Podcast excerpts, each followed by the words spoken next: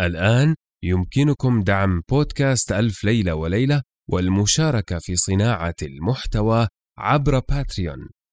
الرابط موجود في وصف الحلقة. شكرا لكم شكرا دائما.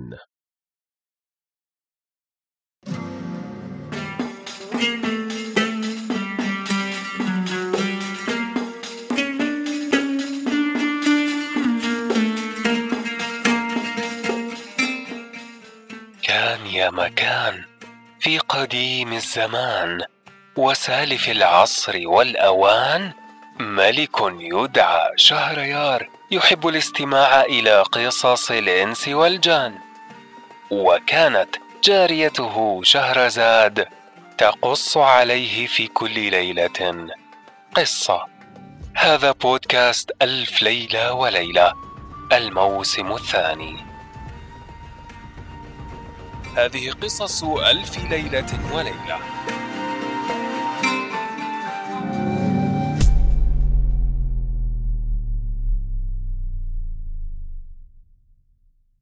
الليلة الواحدة والثلاثون.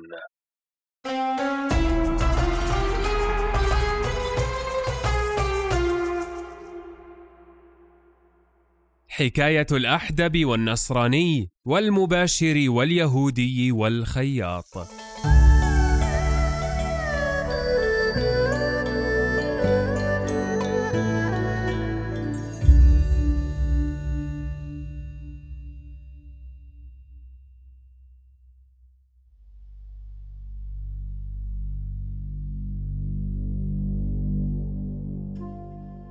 قالت بلغني أيها الملك السعيد أن أخي المزين لما قالت له العجوز قم اقلع ثيابك!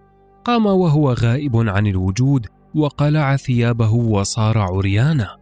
قالت الجارية لأخي قم الآن واجري ورائي وأجري أنا قدامك وإذا أردت شيئا فاتبعني. فجرت قدامه وتبعها ثم جعلت تدخل من محل إلى محل وتخرج من محل إلى آخر وأخي وراءها وقد غلب عليه الشبق ولم تزل تجري قدامه وهو يجري وراءها حتى سمع منها صوتا رقيقا وهي تجري قدامه وهو يجري وراءها. فبينما هو كذلك إذ رأى نفسه في وسط الزقاق وذلك الزقاق في سوق الجلادين وهم ينادون على الجلود. فرآه الناس على تلك الحالة وهو عريان محلوق الذقن والحواجب والشوارب محمر الوجه فصاحوا عليه وصاروا يضحكون ويقهقهون وصار بعضهم يصفعه بالجلود وهو عريان حتى غشي عليه وحملوه على حمار حتى وصلوه إلى الوالي فقال ما هذا؟ قالوا هذا وقع لنا من بيت الوزير وهو على هذه الحالة. فضربه الوالي مئة صوت وخرجت أنا خلفه وجئت به وأدخلته المدينة سرا ثم رتبت له ما يقتات به. فلولا مروءتي ما كنت أحتمل مثله.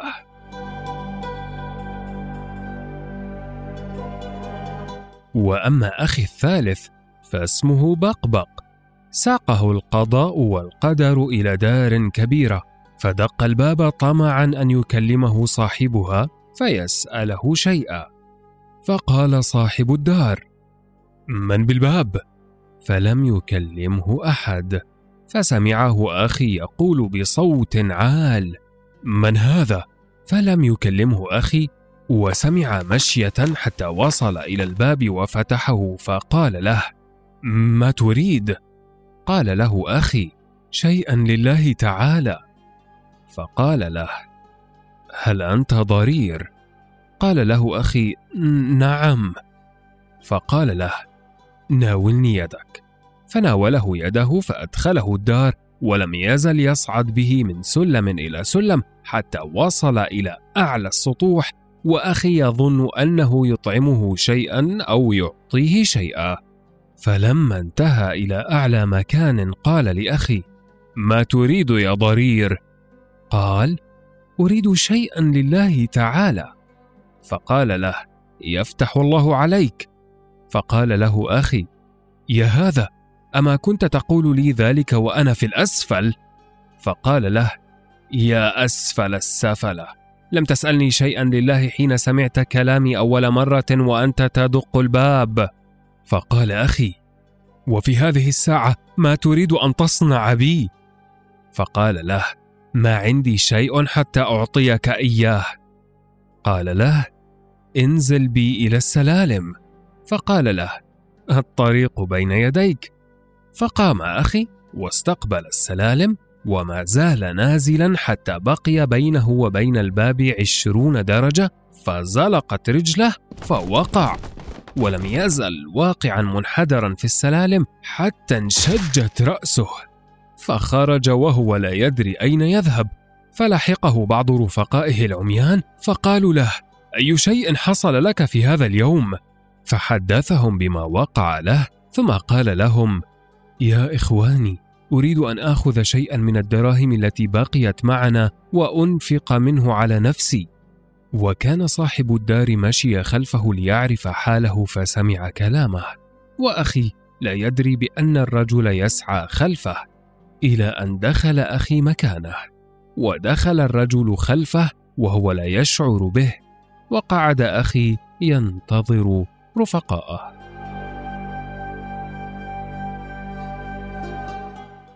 فلما دخلوا عليه قال لهم أغلقوا الباب وفتشوا البيت كي لا يكون أحد غريب تبعنا. فلما سمع الرجل كلام أخي قام وتعلق بحبل كان في السقف. فطافوا البيت جميعه فلم يجدوا أحد ثم رجعوا وجلسوا إلى جانب أخي وأخرجوا الدراهم التي معهم وعدوها فإذا هي عشرة آلاف درهم. فتركوها في زاوية البيت وأخذ كل واحد مما زاد عنها ما يحتاج إليه ودفنوا العشرة آلاف درهم في التراب ثم قدموا بين أيديهم شيئا من الأكل وقعدوا يأكلون. فأحس أخي بصوت غريب في جهته فقال لأصحابه هل معنا غريب? ثم مد يده فتعلقت بيد الرجل صاحب الدار فصاح على رفقائه وقال هذا غريب هذا غريب. فوقعوا فيه ضربة. فلما طال عليهم ذلك صاحوا يا مسلمين دخل علينا لص يريد أن يأخذ مالنا. فاجتمع عليهم خلق كثير. فتعامى الرجل الغريب صاحب الدار الذي ادعوا عليه أنه لص وأغمض عينيه وأظهر أنه أعمى مثلهم بحيث لا يشك فيه أحد وصاح. يا مسلمين أنا بالله والسلطان أنا بالله والوالي أنا بالله والأمير فإن عندي نصيحة للأمير. فلم يشعروا الا وقد احتاط بهم جماعة الوالي فأخذوهم وأخي معهم وأحضروهم بين يديه. فقال الوالي ما خبركم؟ فقال ذلك الرجل اسمع كلامي أيها الوالي. لا يظهر لك حقيقة حالنا إلا بالعقوبة وإن شئت فابدأ بعقوبتي قبل رفقائي. فقال الوالي اطرحوا هذا الرجل واضربوه بالسياط. فطرحوه وضربوه. فلما أوجعه الضرب فتح إحدى عينيه. فلما أزاد عليه الضرب فتح عينه الأخرى. فقال له الوالي ما هذه الفعال يا فاجر؟ فقال أعطني الأمان وأنا أخبرك. فأعطاه الأمان.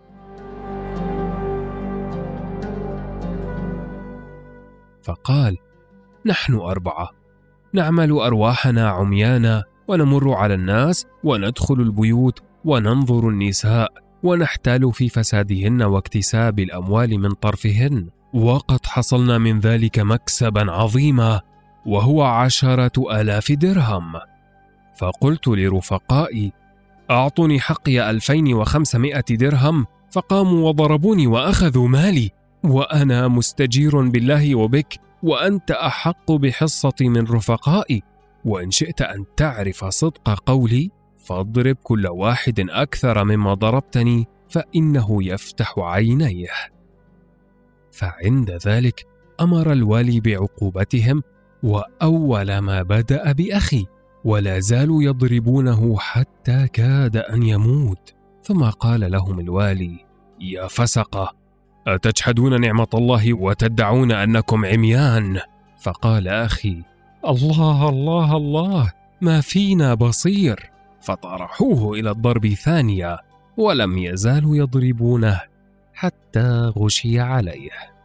فقال الوالي دعوه حتى يفيق واعيدوا عليه الضرب ثالث مرة ثم أمر بضرب أصحابه كل واحد أكثر من ثلاثمائة عصا. والبصير يقول لهم افتحوا عيونكم وإلا جددوا عليكم الضرب. ثم قال للوالي ابعث معي من يأتيك بالمال فإن هؤلاء ما يفتحون أعينهم ويخافون من فضيحتهم بين الناس. فبعث الوالي معه من أتاه بالمال فأخذه وأعطى الرجل منه 2500 درهم على قدر حصته رغما عنهم ونفى أخي وباقي الثلاثة خارج المدينة.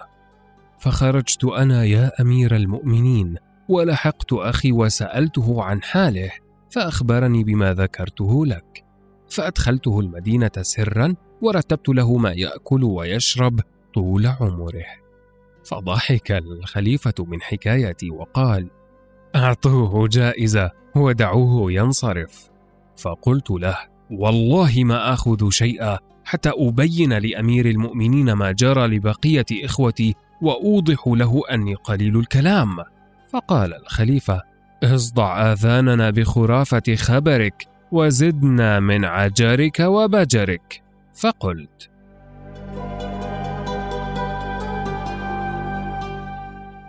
وأما أخي الرابع يا أمير المؤمنين وهو الأعور فإنه كان جزارا ببغداد يبيع اللحم ويربي الخرفان. وكانت الكبار وأصحاب الأموال يقصدونه ويشترون منه اللحم فاكتسب من ذلك مالا عظيما واقتنى الدواب ثم أقام على ذلك زمنا طويلا. فبينما هو في دكانه يوما من الأيام إذ وقف عليه شيخ كبير اللحية فدفع له الدراهم وقال أعطني بها لحما. فأخذ منه الدراهم وأعطاه اللحم وانصرف. فتأمل أخي في فضة الشيخ فرأى دراهمه بيضا بياضها ساطع فعزلها وحدها في ناحية. وأقام الشيخ يتردد عليه خمسة أشهر وأخي يطرح دراهمه في صندوق وحدها ثم أراد أن يخرجها ويشتري غنمه. فلما فتح الصندوق رأى جميع ما فيه ورقا ابيضا مقصوصا فلطم وجهه وصاح. فاجتمع الناس عليه فحدثهم بحديثه فتعجبوا منه. ثم رجع أخي إلى الدكان على عادته. فذبح كبشا وعلقه داخل الدكان وقطع لحما وعلقه خارج الدكان وصار يقول في نفسه لعل ذلك الشيخ يجيء فأقبض عليه. فما كان إلا ساعة وقد أقبل الشيخ ومعه الفضة. فقام أخي وتعلق به وصار يصيح يا مسلمين الحقوني واسمعوا قصتي مع هذا الفاجر.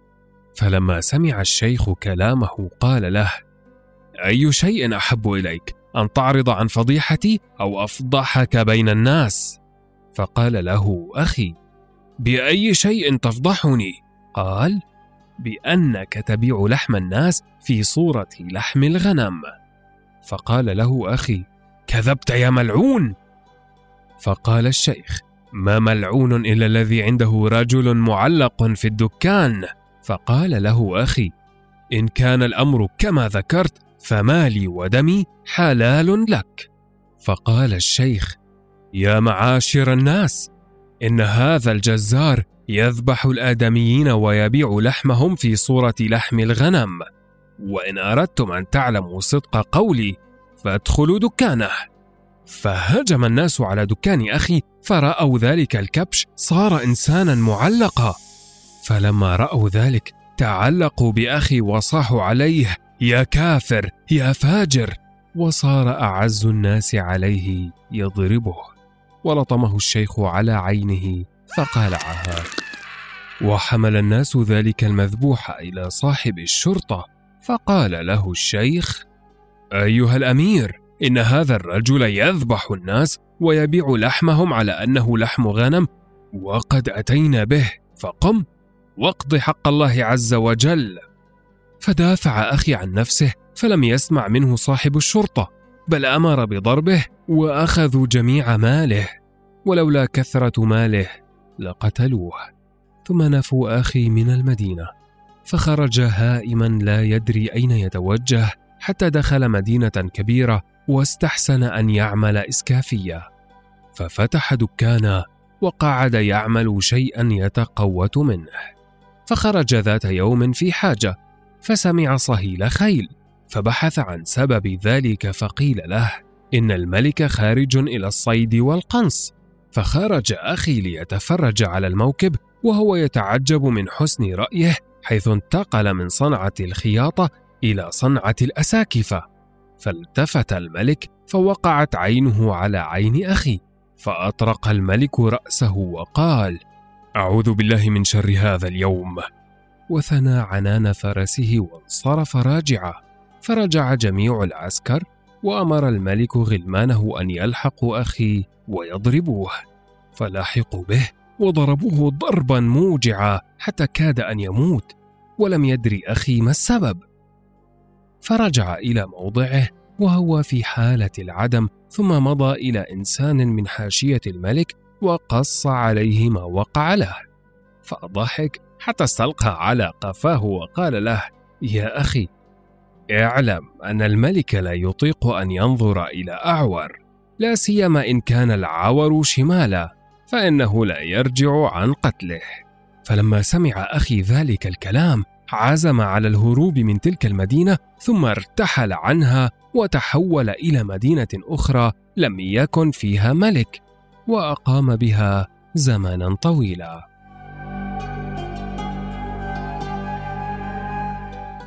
ثم بعد ذلك تفكر في أمره وخرج يوما ليتفرج.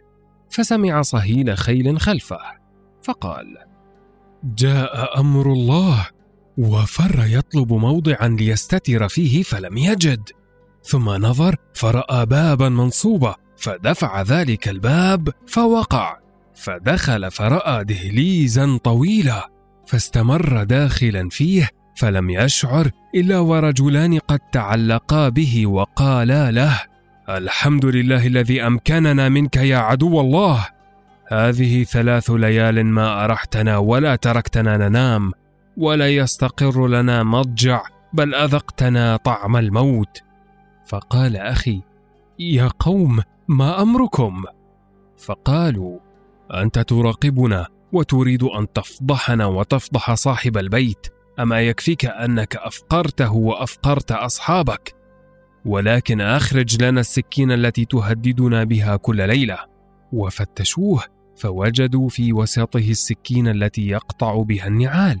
فقال يا قوم اتقوا الله في أمري واعلموا أن حديثي عجيب. فقالوا وما حديثك؟ فحدثهم بحديثه طمعا أن يطلقوه. فلم يسمعوا منه ما قال ولم يلتفتوا إليه بل ضربوه ومزقوا ثوبه.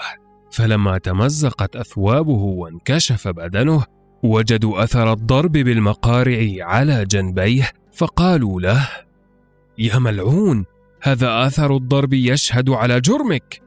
ثم احضروا أخي بين يدي الوالي فقال في نفسه قد وقعت بذنوبي وما يخلصني إلا الله تعالى. فلما حضر بين يدي الوالي قال له يا فاجر ما حملك على أن ضربت بالمقارع إلا جرم عظيم. ثم ضرب أخي مئة صوت ثم حملوه على جمل ونادوا عليه هذا جزاء من يهجم على بيوت الناس. فلما سمعت به أنا خرجت إليه ولا زلت دائرا معه وهم ينادون عليه حتى تركوه. فأتيت إليه وأخذته وأدخلته المدينة سرا ورتبت إليه ما يأكل وما يشرب. وأما أخي الخامس فإنه كان مقطوع الأذنين يا أمير المؤمنين وكان رجلا فقيرا يسأل الناس ليلا وينفق ما يحصله بالسؤال نهارا. وكان والدنا شيخا كبيرا طاعنا في السن فخلف لنا سبعمائة درهم فأخذ كل واحد منا مئة. وأما أخي الخامس فإنه لما أخذ حصته تحير ولم يدر ما يصنع بها. فبينما هو كذلك إذ وقع في خاطره أنه يأخذ بها زجاجا من كل نوع ليتجر به ويربح. فاشترى بالمئة درهم زجاجة وجعله في طبق كبير وقعد في موضع ليبيع ذلك الزجاج وبجانبه حائط. فأسند ظهره إليه وقعد متفكرا في نفسه وقال إن رأس مالي في هذا الزجاج مئة درهم وأنا أبيعه بمئتي درهم ثم أشتري بالمئتي درهم زجاجة وأبيعه بأربعمائة درهم ولا أزال أبيع وأشتري إلى أن يبقى معي مال كثير فأشتري به من جميع المتاجر والعطريات حتى يربح ربحا عظيما. وبعد ذلك أشتري دارا حسنه وأشتري المماليك والخيل والسروج المذهبة وآكل وأشرب ولا أخلي مغنية في المدينة حتى أجيء بها إلى بيتي وأسمع مغانيها. هذا كله وهو يحسب في نفسه والقفص الزجاج قدامه. ثم قال وأبعث جميع الخاطبات في خطبة بنات الملوك والوزراء وأخطب بنت الوزير. فقد بلغني أنها كاملة الحسن بديعة الجمال وأمهرها بألف دينار. فإن رضي أبوها حصل المراد وإن لم يرضى أخذتها قهرا على رغم أنفه. فإن حصلت في داري أشتري عشرة خدام صغار. ثم أشتري لي كسوة الملوك والسلاطين وأصوغ لي سراجا من الذهب مرصعا بالجواهر. ثم أركب ومعي المماليك يمشون حولي وقدامي وخلفي حتى إذا رآني الوزير قام اجلالا لي وأقعدني مكانه ويقعد هو دوني لأنه صهري ويكون معي خادمين بكيسين في كل كيس ألف دينار. وأعطيه ألف دينار مهر بنته وأهدي إليه الألف الثاني إنعاما حتى أظهر له مروءتي وكرمي وصغر الدنيا في عيني ثم أنصرف إلى داري. فإذا جاء أحد من جهة امرأتي وهبت له الدراهم. وإن أرسل إلي الوزير هدية رددتها عليه ولو كانت نفيسة.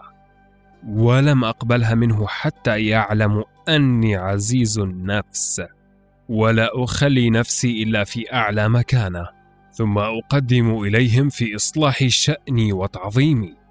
فإذا فعلوا ذلك أمرتهم بزفافها ثم اصلح داري اصلاحا بينا. فإذا جاء وقت الجلاء لبست أفخر ثيابي وقعدت على مرتبة من الديباج لا ألتفت يمينا ولا شمالا لكبر عقلي ووزانة فهمي وتجيء امرأتي وهي كالبدر في حليها وحللها وأنا أنظر إليها عجبا وتيها حتى يقول جميع من حضر. يا سيدي امرأتك وجاريتك قائمة بين يديك فأنعم عليها بالنظر فقد أضر بها القيام. ثم يقبلون الأرض قدامي مرارا فعند ذلك أرفع رأسي وأنظر إليها نظرة واحدة ثم أطرق برأسي إلى الأرض فيمضون بها وأقوم أنا وأغير ثيابي وألبس أحسن مما كان علي. فإذا جاءوا بالعروسة المرة الثانية لا أنظر إليها حتى يسألوني مرارا فأنظر إليها ثم أطرق إلى الأرض. ولم أزل كذلك حتى يتم جلاؤها. وأدرك شهرزاد الصباح فسكتت عن الكلام المباح.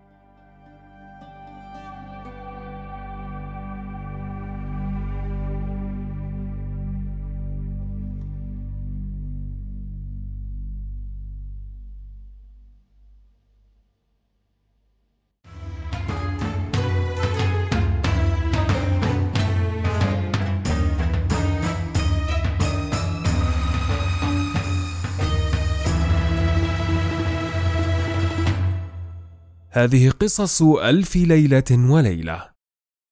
أنا نزار الحمود معكم في قراءة الليالي. لا تنسوا مشاركة الليالي مع من تظنون أنهم سيحبون ذلك. شكرا لكم شكرا دائما.